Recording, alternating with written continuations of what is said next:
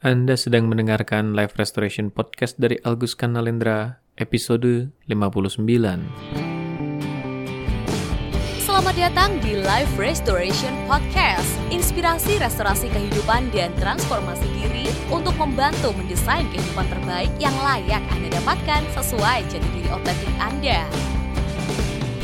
Life Restoration Podcast menghadirkan berbagai inspirasi restorasi kehidupan dan transformasi diri yang juga diadaptasi dari kisah nyata para individu yang menjalani program terapi, konseling, dan life restoration coaching bersama Coach Alguska Nalendra. Halo para sahabat sekalian, di mana pun Anda berada. Kembali berjumpa bersama saya, Algus Kanalendra, di episode ke-59 kali ini di Life Restoration Podcast. Mengawali perjumpaan kita di episode kali ini, seperti biasa tentunya. Doa terbaik semoga Anda sekalian selalu dalam keadaan sehat, berkah berlimpah, dan damai berbahagia bersama mereka yang Anda kasihi tentunya. Tidak jauh-jauh bahasan kita di episode kali ini, melainkan meneruskan yang saya janjikan di episode sebelumnya, yaitu cara melepaskan diri dari belenggu mental. Bagi Anda yang bukan sebuah kebetulan, langsung tiba di episode kali ini, saya sarankan Anda menyimak dulu penjelasan saya di episode sebelumnya. Karena akan sulit juga menyimak isi episode kali ini kalau bahasan di episode sebelumnya belum sepenuhnya dipahami. Jadi, silakan temukan bahasannya di episode sebelumnya, ya. Anda bisa menemukannya nanti di daftar episode yang ada di playlist podcast ini. Oke, sedikit kilas balik saja. Paling tidak, kilas balik singkat ini menjadi sebuah pembuka singkat yang bisa menjadi jembatan untuk lebih memahami bahasan inti yang akan kita ulas di episode kali ini. Begini, di episode sebelumnya, saya mengulas bagaimana ada begitu banyak orang yang terjebak atau terbelenggu di suatu titik dalam hidupnya. Mereka berada di sebuah kondisi yang tidak ideal atau tidak nyaman mereka tahu bahwa itu bukan kondisi ideal yang seharusnya. Dan bahkan sering kali juga mereka tahu atau bisa menggambarkan bagaimana kondisi ideal yang seharusnya. Tapi ya begitu, mereka tidak kuasa untuk berpindah dari titik tidak ideal itu karena sesuatu membelenggu mereka di titik itu. Yang menjadikan mereka terus bergelut dengan ketidaknyamanan itu meski hati kecil mereka sudah tidak kuat menahan ketidaknyamanan di titik itu. Sesuatu yang membelenggu inilah yang kemarin saya katakan sebagai mental, di mana belenggu mental ini kemarin saya ilustrasikan dalam bentuk kisah rantai gajah. Yes, belenggu mental Itulah istilah yang akhirnya saya gunakan untuk menggambarkan keberadaan dari hambatan tidak kasat mata ini. Ia tidak terlihat, tapi dampaknya terasa jelas. Menghalangi kita untuk bisa bergerak menuju titik perubahan yang lebih baik. Dengan keunikan pribadi yang berbeda, setiap orang memiliki belenggu mental yang berbeda juga dalam dirinya. Tapi Sebelum kita nanti membahas lebih jauh bagaimana cara melepaskan diri dari belenggu mental ini, pertama-tama perlu kita bahas satu hal yang sangat esensial, yaitu menentukan apakah seseorang memiliki belenggu mental atau tidak. Dan bagaimana cara sejak awal membebaskan diri dari belenggu mental ini. Untuk memudahkan memahaminya, saya ingin mengajak Anda berimajinasi sebentar. Bayangkan, seseorang yang hidup dengan belenggu.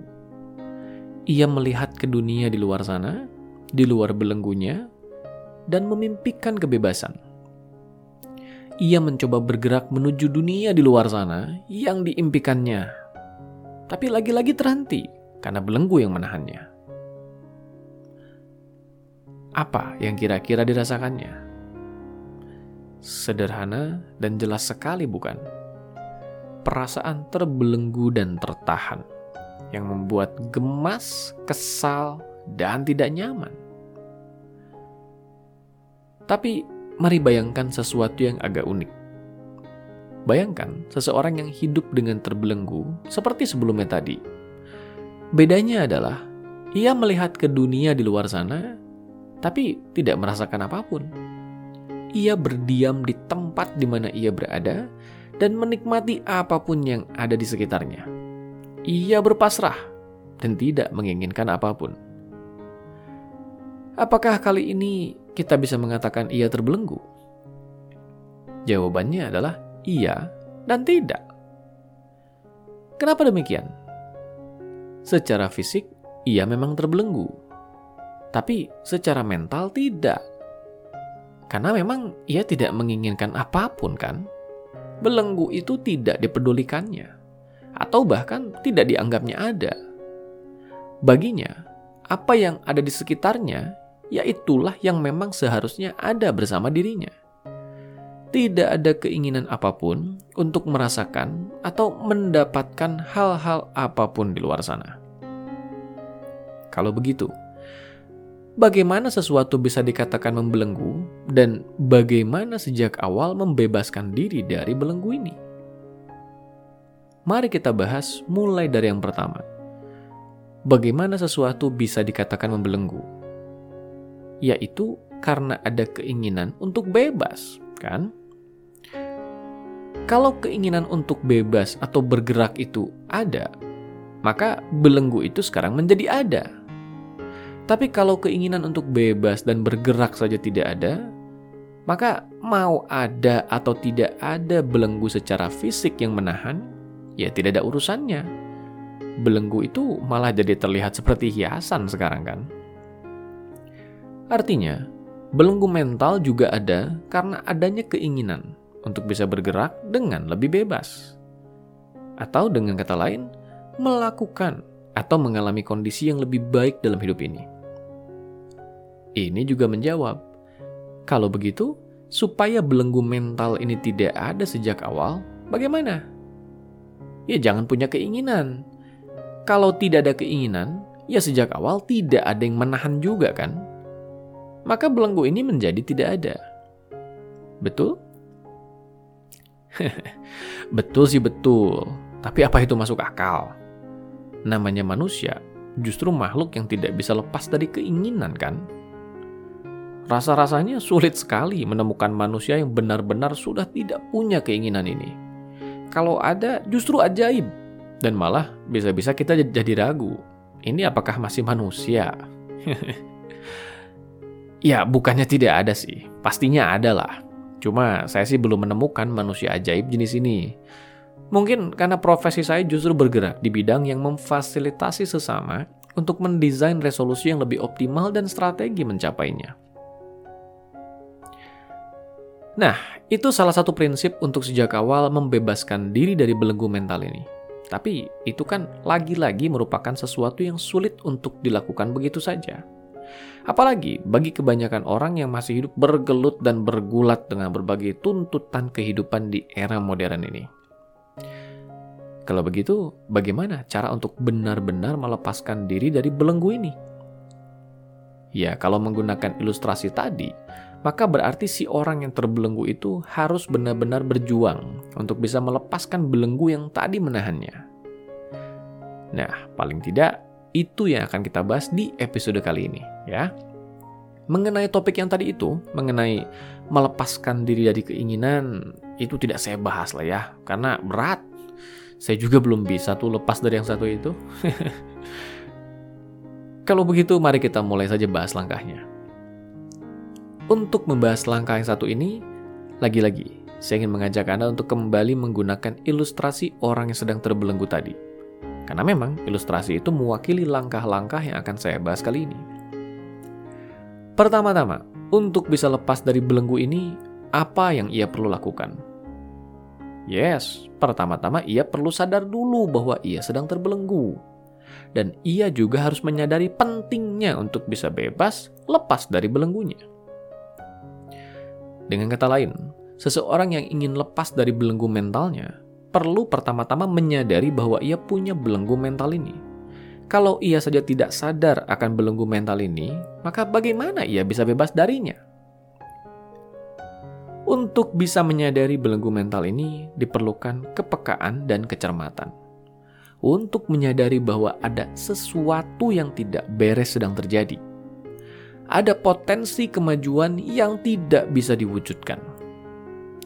Dengan kata lain, belenggu mental akan disadari oleh mereka yang sedang mengupayakan sebuah upaya atau pergerakan untuk bisa menuju kondisi yang lebih baik dalam hidupnya. Kalau mengupayakan upaya atau pergerakan ini saja tidak, lalu tiba-tiba berkata, "Ada belenggu mental." Ini agaknya tidak pantas sekali lah ya. Ya, ada sih belenggu mentalnya, yaitu kemalasan. Maka demikianlah. Cara untuk melepaskan diri dari belenggu mental ini yaitu dengan pertama-tama memastikan aspek apa yang sedang kita perjuangkan yang terhambat oleh belenggu mental ini. Apakah aspek kepercayaan diri, aspek karir, aspek hubungan, aspek keuangan, atau aspek apa? Sadari seperti apa pola kemunculan belenggu mental ini. Misalnya, dalam aspek kepercayaan diri, ingin bisa lebih luas dalam menampilkan diri, tapi seperti ada belenggu yang menghalangi, menjadikan diri merasa minder, tidak percaya diri, atau merasa kecil. Dalam aspek karir misalnya, ingin meningkatkan karir dengan lebih berani melaksanakan hal-hal besar. Tapi seperti ada belenggu mental yang menahan diri untuk berani melakukan hal besar. Karena tidak berani mengambil resiko. Dalam aspek hubungan misalnya, ingin menjajaki hubungan ke tahap yang lebih serius, tapi selalu ada belenggu mental berupa rasa ragu, rasa tidak siap, atau berbagai gejolak lain yang sulit dijelaskan tapi terasa sekali mengambatnya. Atau aspek apa pun itulah ya. Intinya ada suatu perjuangan yang terhambat oleh berbagai pemikiran dan perasaan dalam diri yang menghalangi mereka untuk lebih berani atau lebih yakin dan percaya diri. Dan mereka sendiri tahu betul bahwa hambatan itu menghalangi mereka untuk mendapatkan kemajuan hidup. Yes, belenggu mental memang paling banyak terhubung dengan rasa ragu tidak percaya diri, atau tidak siap. Artinya, lagi-lagi, paling tidak, mereka sudah tahu definisi kondisi ideal yang seharusnya mereka dapatkan, tapi belum bisa mereka raih karena ada belenggu ini. Kalau sejak awal definisi kondisi ideal ini tidak ada, ya namanya bukan belenggu mental, tapi hilang arah. Memang tidak tahu mau ke mana. Bagaimana kalau tidak bisa mendefinisikan kondisi ideal ini karena takut itu bukan kondisi ideal yang seharusnya? Takut salah membuat keputusan. Ya, ini masih menjadi belenggu mental. Orang ini ingin bisa menetapkan kondisi ideal atau memiliki ketetapan akan kondisi ideal. Tapi ia belum bisa menetapkannya karena masih ragu dan takut. Perhatikan, ia ingin menetapkan. Tapi ya itu tadi, ada rasa ragu dan takut. Jadi bukan ia tidak punya arah, ia ingin bisa memiliki arah, tapi takut arahnya salah. Ya ini masih masuk ke dalam belenggu mental. Yang tidak termasuk itu yang tadi itu, tidak memiliki arah sama sekali sejak awal. Berikutnya, kembali ke ilustrasi tadi bagi mereka yang sedang dalam sebuah perjuangan untuk mewujudkan kondisi idealnya, tapi kemudian mereka sadar mereka terbelenggu, maka penting bagi mereka untuk memiliki keinginan untuk bisa lepas dari belenggu ini. Tapi bukan sekedar keinginan, melainkan keinginan yang kuat, keinginan yang menggelora, keinginan yang benar-benar berisikan semangat untuk bisa bebas dan melihat dunia luar. Saya biasa menyebutnya keinginan yang beralasan ada alasan atau reason yang jelas yang melandasi keinginan untuk bebas itu. Saya sengaja menggunakan kata reason sebagai penegas ya, karena alasan ini dalam bahasa Inggris kan bisa juga diartikan sebagai excuse. Ya kalau sudah begitu maka tentu lain lagi artinya. Kenapa ini penting?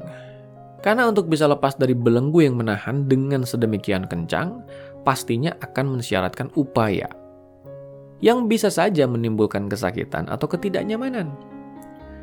Tanpa ada alasan yang kuat, maka keinginan untuk lepas ini akan kalah oleh ketidaknyamanan yang muncul dari prosesnya.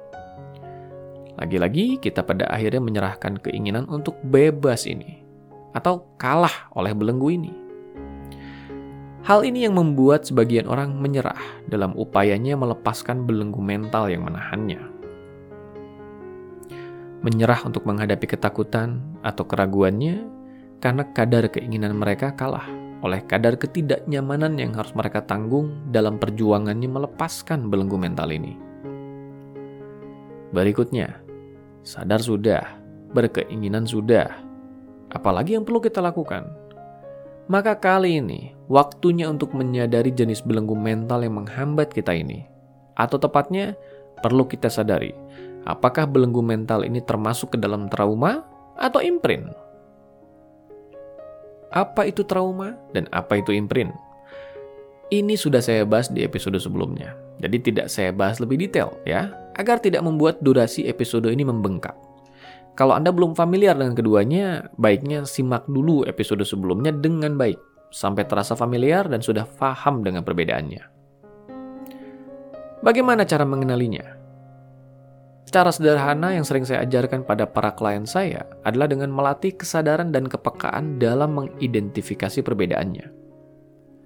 Ingat, ciri mendasar yang membedakan trauma dan imprint ada pada emosi yang menyertainya. Dalam belenggu mental yang terbentuk dari trauma, ada emosi yang cukup intens kita rasakan ketika dihadapkan dengan stimulus yang mengingatkan kita pada kenangan traumatis itu. Secara realnya, Belenggu mental yang terbentuk dari trauma biasanya terasa dalam bentuk ketakutan, kecemasan, atau perasaan kecil, atau perasaan tidak berdaya yang sulit dijelaskan. Ketika memikirkan hal yang seharusnya kita lakukan itu muncul rasa enggan, takut, atau rasa-rasa sejenis lainnya. Yang pada intinya membuat kita jadi tidak mau melakukan hal itu. Semakin dicoba dilawan, biasanya perasaan itu semakin tidak karuan, dan bahkan sering kali menjadikan kita semakin tidak berdaya. Yang satu ini yang biasanya membuat banyak orang menyerah pada belenggu mentalnya. Lain dengan imprint, ia sering kali tidak membawa emosi karena ia berupa keyakinan yang ditanamkan. Dari segi kemunculan, ia tidak terlalu terasa mengganggu seperti trauma, tapi dari segi dampak, ia justru lebih memusingkan. Kok bisa? Begini, ketika belenggu mental itu berupa trauma, ketika kita dihadapkan dengan hal yang seharusnya kita lakukan, maka muncul emosi yang cukup intens menyertainya. Rasanya memang tidak nyaman dan tidak karuan, tapi emosi itu menjadi petunjuk atas keberadaan belenggu mental itu.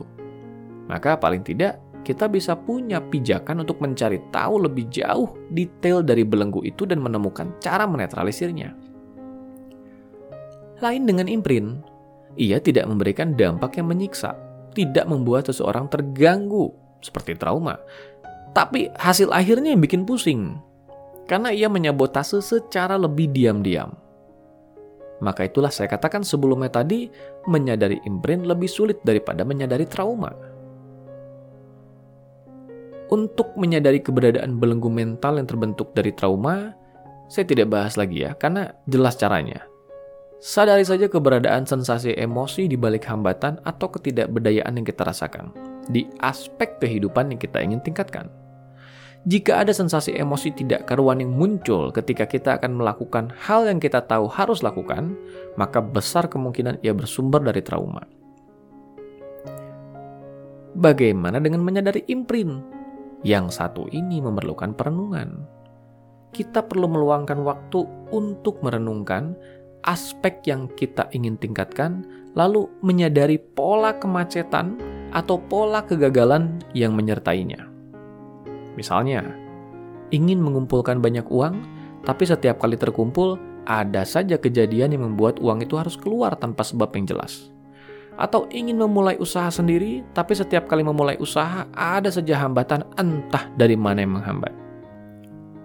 Dalam imprint, hambatan-hambatan itu tidak terasa dalam bentuk sensasi emosional seperti trauma, tapi biasanya muncul dalam pola kegagalan berulang yang terjadi di luar diri, seperti pola kejadian berulang. Kalau sudah menyadari spesifikasi belenggu mental yang menghambat ini, baik itu trauma atau imprint, maka saatnya kita melanjutkan ke tahap berikutnya, yaitu menemukan akar masalah yang membentuk belenggu itu. Seperti saya bahas di episode sebelumnya, baik itu trauma atau imprint, tidak ada begitu saja. Ada kejadian masa lalu yang menciptakan belenggu itu sampai ia melekat pada diri kita. Di sinilah penting bagi kita untuk menyadari ada akar masalah apa yang terjadi di masa lalu kita yang membentuk kemunculan belenggu itu. Dalam hal belenggu mental yang terbentuk dari trauma, yang bisa kita lakukan adalah merasa-rasai sensasi yang muncul ketika emosi yang menghambat itu muncul. Lalu menyelaminya dengan penuh kesadaran, mengizinkan diri kita menangkap berbagai gambaran apa pun yang muncul dalam emosi itu mengizinkan diri kita mengikuti aliran perasaan itu, sampai ia seolah membawa kita ke masa lalu, menghadirkan gambaran kejadian traumatis yang membentuk kemunculan belenggu itu. Proses ini bisa dilakukan sendiri, tapi tolong berhati-hati ya. Jangan melakukannya kalau Anda memiliki masalah fisik yang bisa terpicu oleh emosi yang intens. Kalau Anda memiliki kendala fisik, atau kalaupun tidak memiliki kendala fisik tapi ragu untuk melakukannya sendiri, maka silakan mintai bantuan praktisi profesional yang bisa membantu Anda melakukan proses ini dengan aman dan efektif.